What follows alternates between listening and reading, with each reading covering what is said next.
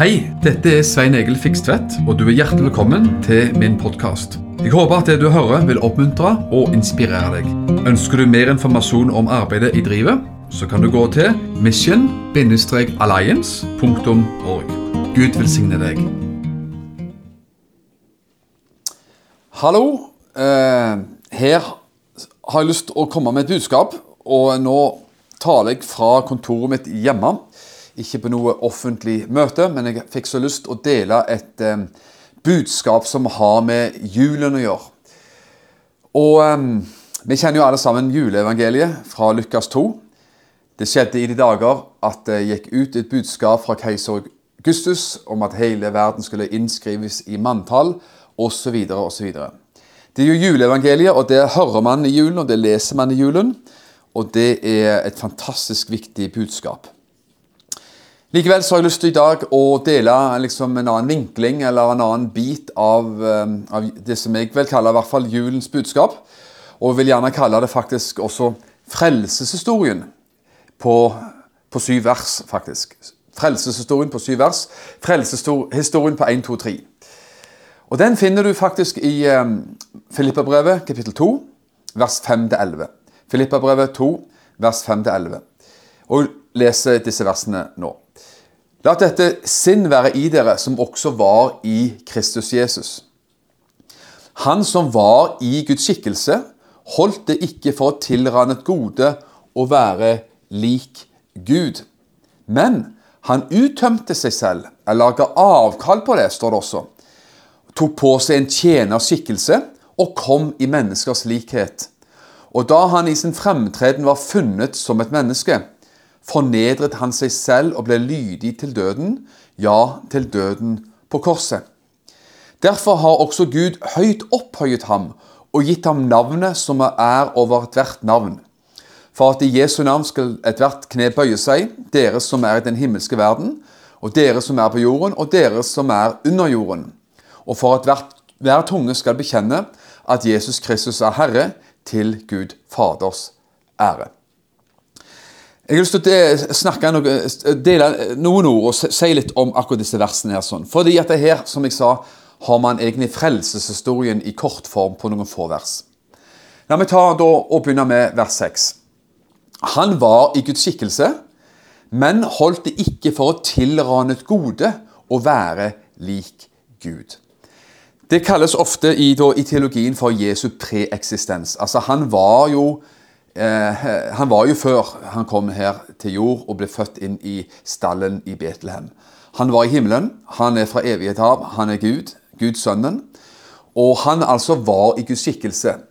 Men han holdt ikke for å tilrane gode å være lik Gud. Altså han, han gjorde noe mer enn å bare være i himmelens herlighet. Og vers 7 sier han uttømte seg selv.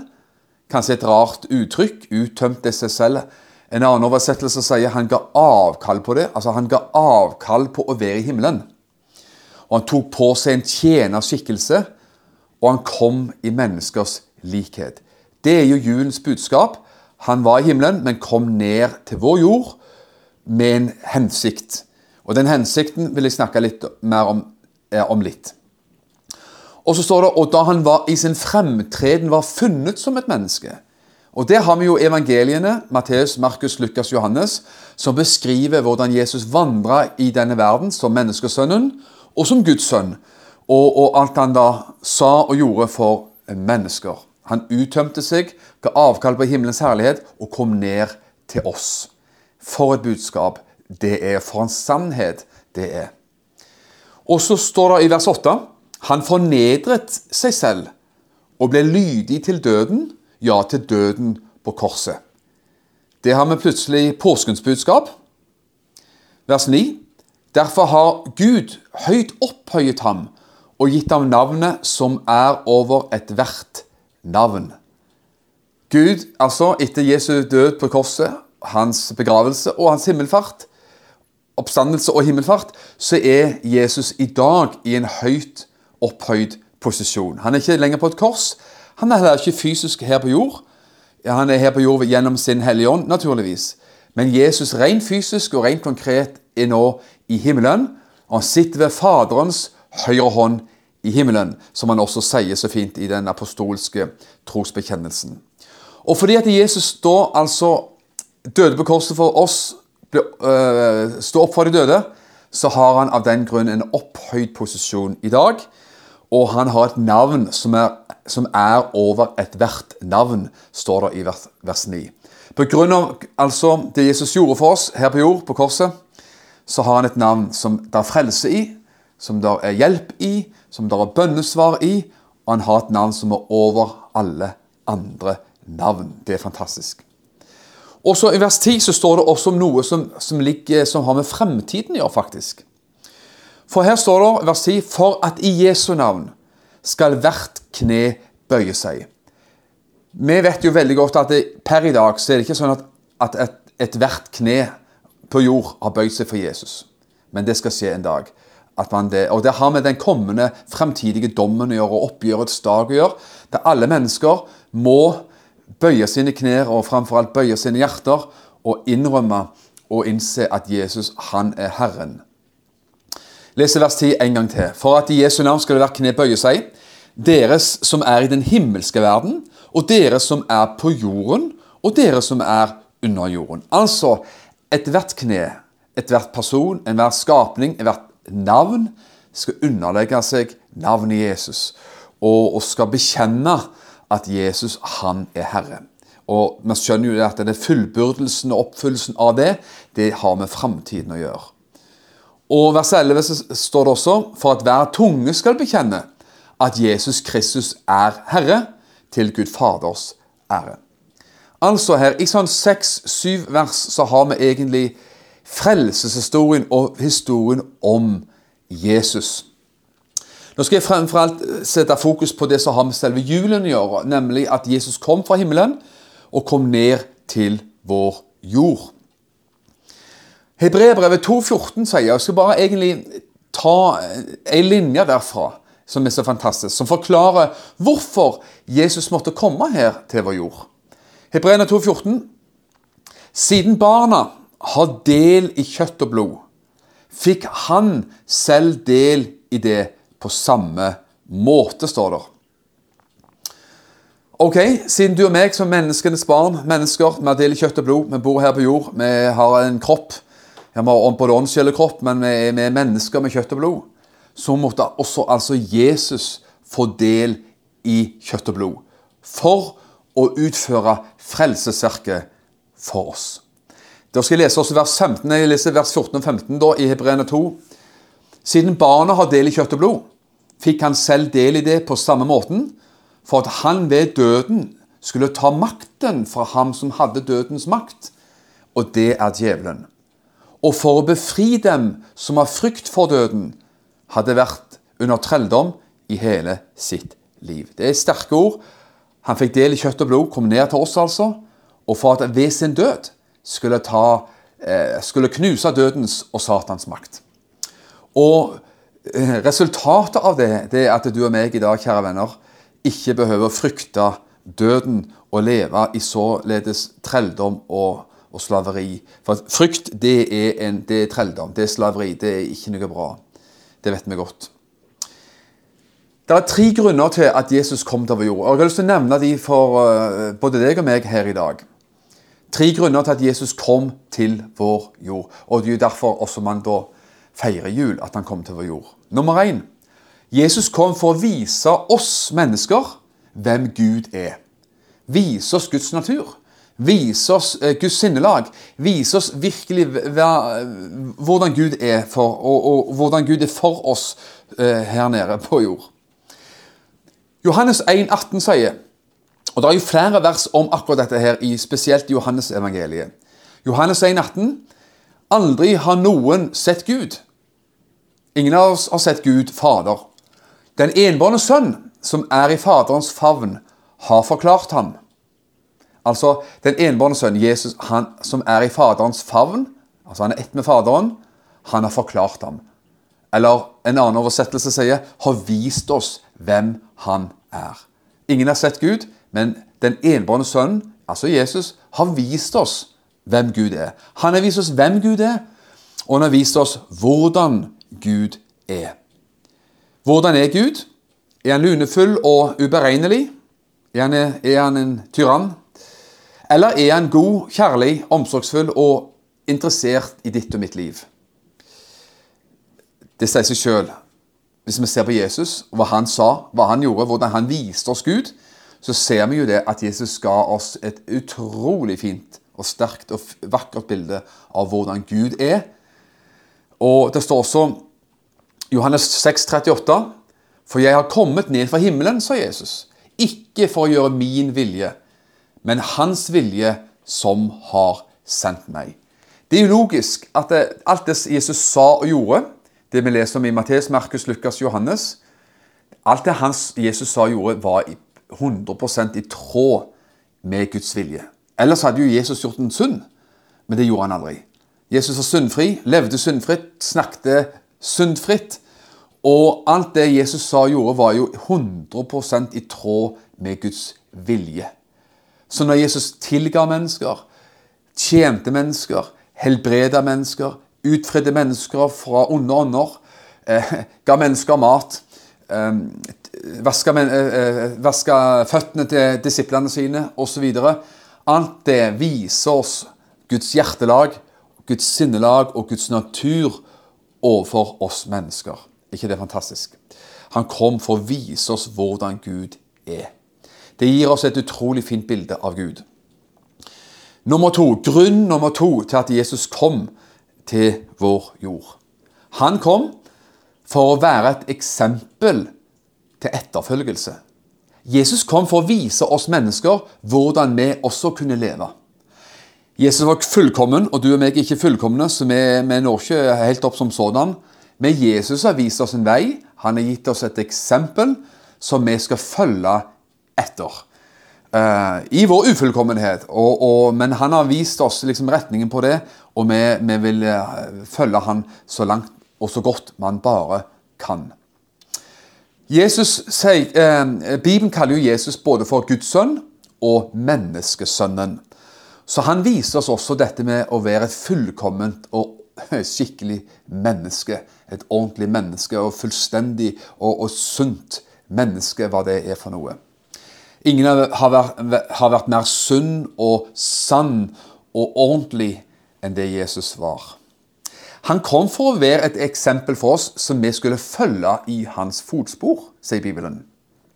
Et par vers på det. 1. Peters brev 2,21. For for, for til dette ble dere kalt, sier han. Fordi Kristus også led for oss. Det har du korset. Han led for oss. Og etterlot oss et eksempel for at dere skulle følge i hans spor, står det. Han etterlot oss et eksempel for at vi skulle følge i hans spor. Det er fantastisk. Jeg skal gi deg et eksempel som jeg syns eh, er litt sånn eh, enkelt og greit kanskje til å, til å forstå. Jeg bor i Froland, og eh, her i Froland så er det ca. 20 minutters kjøring herfra så er det et fantastisk fint skiterreng som heter Øyneheia. Der er det skiløyper på ca. 3 km, 8 km og 15-16 km. og Noe sånt. Og Det er så enkelt. vet du. Der er det en maskin som har lagd utrolig fine løyper og fine spor. Og Da er det jo bare så enkelt at det er for vestlendingen Svein Egil, som ikke er født med ski på beina akkurat heller, det er bare å plassere skina eh, oppi disse fine, lagde, forhåndslagde spor og så er det å stake seg av gårde. Og da er det jo sånn at jeg drar ut fra parkeringsplassen og drar av gårde på 16 km f.eks. Så vet jeg jo det at når jeg bare holder skiene oppi disse sporene, så kommer jeg tilbake igjen til parkeringsplassen. Jeg trenger ikke være redd for å gå vil. Holder jeg mine bein og mine ski oppi forhåndslagte spor, så kommer jeg tilbake igjen til utgangspunktet. Jeg kommer tilbake igjen til der jeg satte ut ifra. Og tenker jo sånn at Hvis vi følger Jesus på samme måte Han har, han har lagt løyper for oss. Han har lagt eh, for å si det sånn, skisporene for oss. Og hvis vi bare følger i hans spor, følger han i ett og alt, så kommer vi trygt fram. Da går vi, eh, vi går oss ikke vill. Vi, vi, sporer ikke av til høyre eller venstre. Vi holder beina oppi sporene hans, skiene oppi hans skispor. Så kommer vi fram trygt og godt. Han er et eksempel til etterfølgelse. Johannes 13, vers 14 Det er når Jesus hadde vaska disiplene sine føtter før han da døde på korset. Så gjorde han jo det, og det var jo eh, for disiplene et stort eh, sjokk at Jesus, som var herre og mester og lederen i flokken, skulle bøye seg ned og vaske disiplene sine føtter. Men det gjorde han. Og etter, etter han hadde gjort det, så sier Jesus noe fantastisk. Og Da er det altså fra Johannes 13, vers 14 og 15. Hvis da jeg som er deres herre og mester, har vasket føttene deres, skylder også dere å vaske føttene til hverandre. Jeg har gitt dere et eksempel for at dere skal gjøre som jeg har gjort mot dere. Jeg har gitt dere et eksempel for at dere skal gjøre som jeg har gjort mot dere.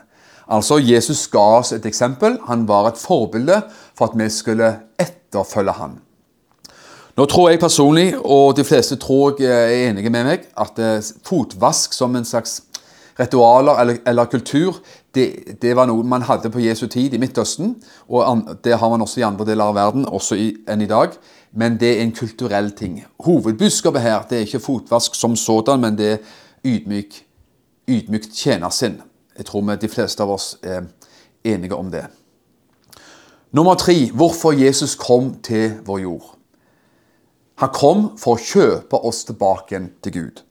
Sagt på en annen måte, som vi allerede også har lest i Filippabrevet, han kom for å dø på korset. Dø og stå opp igjen. For å kjøpe vår frelse. Ta vår synd, vår, vårt frafall, vår forbannelse, vårt opprør, vår ondskap på seg sjøl.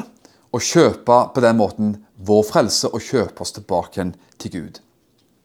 Markus 10, 45, så sier Jesus for menneskesønnen kom ikke for å bli tjent, men for selv å tjene, og for å gi sitt liv som løsepenge for mange.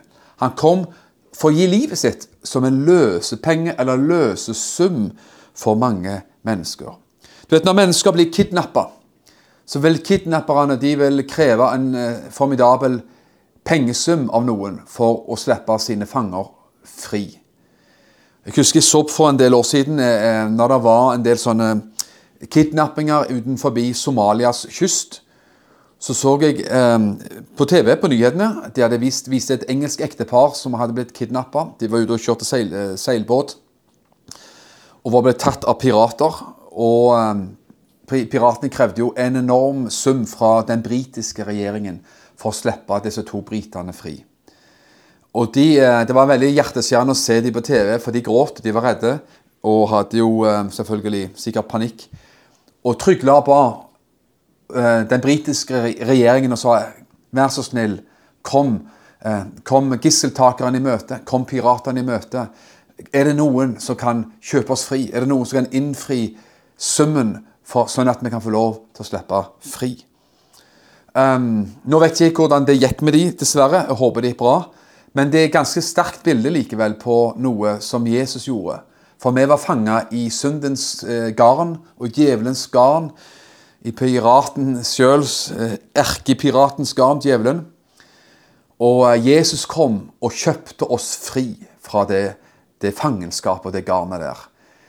Og han brukte ikke penger, han brukte ikke sølv eller gull, men han ga sitt eget liv, sitt eget blod, for å kjøpe oss fri. Det er fantastisk. Du vet at Vi mennesker vi, som jeg sier, vi bruker jo dette bildet. da, Vi var fanget i syndens garn og i djevelens garn. Uh, Romerbrevet kapittel 3 vers 23 sier For alle har synda og har mista Guds ære.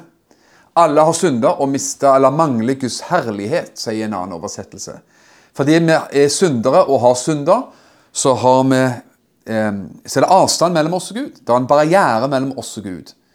Men Jesus kom og ordna det når han døde for oss på korset. Men nettopp dette hva synden har gjort med et menneske, skal man ikke snakke, skal man ikke snakke oss bort fra og liksom bare bagatellisere. fordi at det, Jesus kom ikke for å dø på et kors for å få et navn inn, inn i historiebøkene og for få, for å bli en populær person. Han kom for å kjøpe oss fri fra syndens elendighet og for å kjøpe oss til himmelens herlighet. Jesajas 59, vers 1-2. Men det er deres misgjerninger, sier profeten, som har satt skille mellom dere og deres Gud. Deres synder har skjult hans åsyn for dere, så han ikke hører. Tenk på det. Altså, våre misgjerninger har satt skille mellom oss og Gud. Det er liksom vår utgangspunkt og vår tilstand og, og vår, om du vil, åndelige diagnose. Men der kom Jesus, og der kom hans fullbrakte verk på korset inn, og har selvfølgelig forandra på det på en fantastisk vis. Derfor kan vi få lov til å kalle oss Guds barn i dag, når man har tatt imot denne forsoningen. Helt til slutt så har jeg lyst til å bare si, og nå har jeg lyst til å lese da, Jeg har lest en del vers. Og, og en av de, Det verset som jeg skal lese nå, er synes jeg, en av de fineste vers, versene som jeg, man kan finne i Bibelen. Og Det er Jesajas 1,18, fordi at det er bare sånn en fantastisk appell fra Gud sjøl. Det er et vakkert skriftsted og en vakker appell fra Gud. Der han inviterer mennesker nettopp til å ta imot denne gaven, denne frelsesgaven som Jesus er. Ok, Jesajas 1,18. Kom nå, og la oss gå i rette med hverandre, står det. Det er Gud som taler da gjennom profeten til folket sitt, Israels folk den gangen. Kom, la oss gå i rette med hverandre. Like mange, som du skjønner, så liker jeg å sitere ofte mange oversettelser. da. Og En annen oversettelse sier 'Kom, la oss gjøre opp vår sak'. La oss gjøre opp vår sak, sier, sier Gud til folket. La oss gjøre opp med hverandre. Sagt med andre ord, la oss skvære opp. Det sier Gud. Og så sier, så sier Herren videre om deres synder er som skarlagen, skal de bli hvite som snø. Om de er røde som purpur, skal de bli hvite som ull. Altså en appell fra Gud til at vi skal bli forsont med Gud. At vi skal komme, komme til Gud, at vi skal få vår sak i orden med Gud. Hvorfor? Jo, fordi nettopp Jesus kom til vår jord for å, nummer én, eh, vise oss hvordan Gud er. Vise oss Guds natur og Guds godhet på alle, alle tenkelige måter. Han kom, og så viser han også, nå repeterer jeg litt, han kom for å være et eksempel til etterfølgelse og et eksempel og forbilde på hvordan vi kan leve våre liv. Og sist, men slettes ikke minst, han kom for å kjøpe oss tilbake igjen til Gud. Han kom for å dø på korset, ta vår synd og vår straff og vår forbannelse på seg sjøl for at vi skulle bli Guds barn, bli frelst, bli tilgitt og eh, sette kursen mot himmelen. Eh, for eh, det gjør man når man har tatt imot Jesus som sin herre og frelser. Og da har jeg lyst til å bare si helt til slutt at eh, hvis du hører på meg og ikke har tatt imot Jesus, så har jeg lyst til å bare oppmuntre deg så sterkt som jeg bare kan. Ta imot Jesus. Tro på dette budskapet jeg har eh, forkynt her i dag. Hør det om igjen om du trenger det. Finn Bibelen og slå opp. Eh, og, og la dette budskapet synke skikkelig inn i hjerte og sinn. Og hvis du ikke allerede er en kristen og frelst og, og har tatt imot Jesus, så, så gjør det. Si Jesus, kom inn i mitt liv. Jeg tar imot deg. Jeg vil ha deg.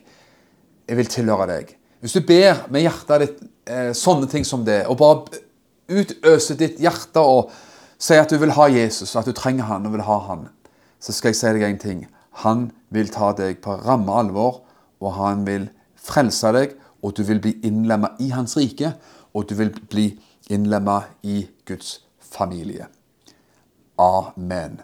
Da gjenstår det bare én ting for min, for min, del, og det er å ønske deg en velsigna, god julehøytid i Jesu Kristi navn. Ha det bra. Takk for at du har lytta til denne podkasten. Jeg ønsker deg en velsigna god dag.